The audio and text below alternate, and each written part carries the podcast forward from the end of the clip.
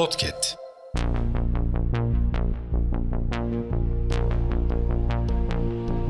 Merhaba sayın dinleyenler. Hafızanın yeni bölümüyle karşınızdayız. Tarihte bugün yaşanan olayları aktaracağız. Tarihlerimiz 10 Kasım 2023.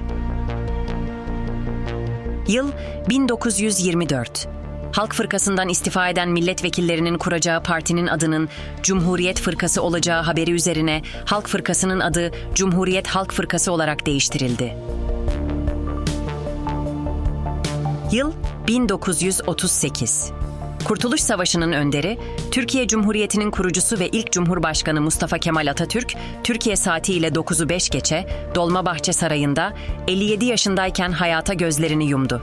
Türkiye'de ulusal yas ilan edildi.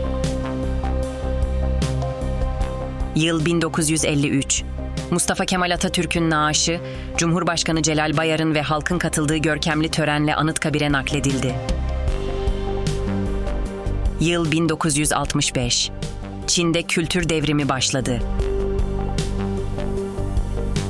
Yıl 1944. Ünlü sinema ve tiyatro oyuncusu Kemal Sunal dünyaya geldi. Kemal Sunal doğumu 10 Kasım'a denk geldiği için atasına saygıdan doğum gününü hep 11 Kasım'da kutladı. Hafızanın sonuna geldik. Yeni bölümde görüşmek dileğiyle. Hafızanızı tazelemek için bizi dinlemeye devam edin.